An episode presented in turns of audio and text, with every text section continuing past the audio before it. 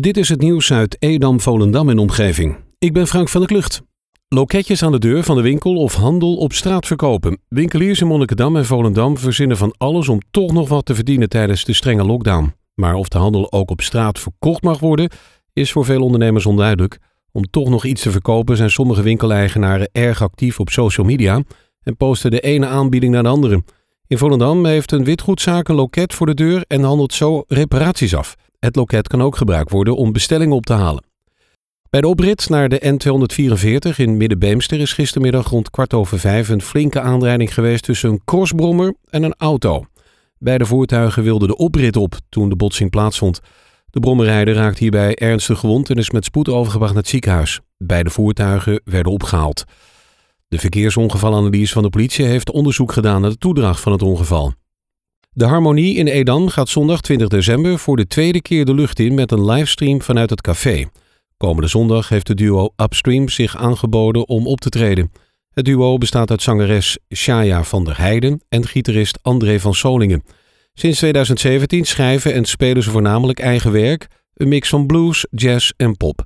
Overigens zijn er ook komende weken mogelijkheden voor lokale regionale acts om aan te schuiven bij een livestream. De Harmonie kondigt nu al aan dat de eerste kerstdagzangeres Minke een aantal kerstballads zal brengen. Op de kruising van de N244 en de Nieuwe Gouwen in Purmerend vond gisteravond een aanrijding plaats tussen twee auto's. Twee ambulances en de brandweer kwamen ter plaatse. Uit een van de auto's kwam rook. Twee personen raakten gewond en zijn naar het ziekenhuis gebracht. De oorzaak van het ongeval is niet bekend. Medewerkers van de verkeersongevalanalyse hebben onderzoek gedaan. Een bestuurder is meegenomen naar het politiebureau. In Zaanstreek-Waterland kwamen er tussen maandagmiddag en dinsdagmiddag 183 testen positief terug uit het laboratorium. In de gemeente Zaanstad waren 95 nieuwe besmettingen binnen 24 uur en werden opnieuw twee sterfgevallen gemeld. Edom-Volendam telde 22 nieuwe besmettingen. Sinds het begin van de pandemie zijn 1473 inwoners positief bevonden. In Waterland en Landsmeer zijn er respectievelijk 13 en 11 besmette personen bijgekomen. Op donderdag 31 december worden er weer oliebollen verkocht voor de Grote Kerk Edam. In verband met het coronavirus zijn ze dit jaar alleen te bestellen via de website oliebollenactiegrotekerkedam.nl. Om het afhaal in goede banen te leiden gebeurt dit op afgebakende tijdslots die je kan invullen op de website. Bezorgen kan tegen een kleine vergoeding. De opbrengst is voor de restauratie van de toren. Het koor Ars Musica Purmerend organiseert in samenwerking met lokale omroepen RTV Purmerend, LOF, lokale omroep Landsmeer en PIM een speciale tv-uitzending van een kerstmiddag, Kers met Ars Musica. Deze kerstmiddag wordt nu voor de vierde keer op rij georganiseerd.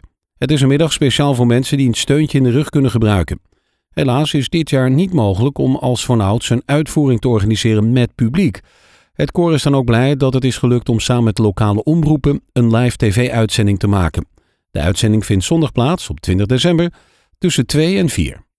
De woningcorporaties, huurdersverenigingen en de gemeente Purmerend hebben nieuwe afspraken gemaakt voor de periode 21-2024. Met deze afspraken is vastgelegd waar ze de komende jaren mee aan de slag gaan. De afspraken gaan over samenwerken, beschikbaarheid, betaalbaarheid, duurzaamheid en zorg en welzijn.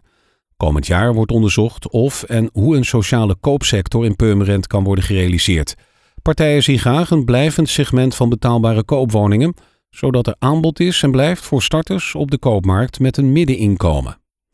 De Koninklijke Nederlandse Reddingmaatschappij vervangt in 2023 de reddingsboot Frans Verkade, die gebouwd werd in 1997, maar ook de reddingboot Hendrik Jacob, die gebouwd werd in 2004.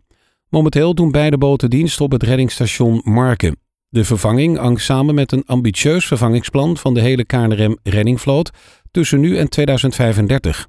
De KNRM heeft er vertrouwen in dat het geld voor de reddingboten in de komende 15 jaar geworven kan worden, maar daarvoor zijn wel wervingscampagnes en activiteiten nodig.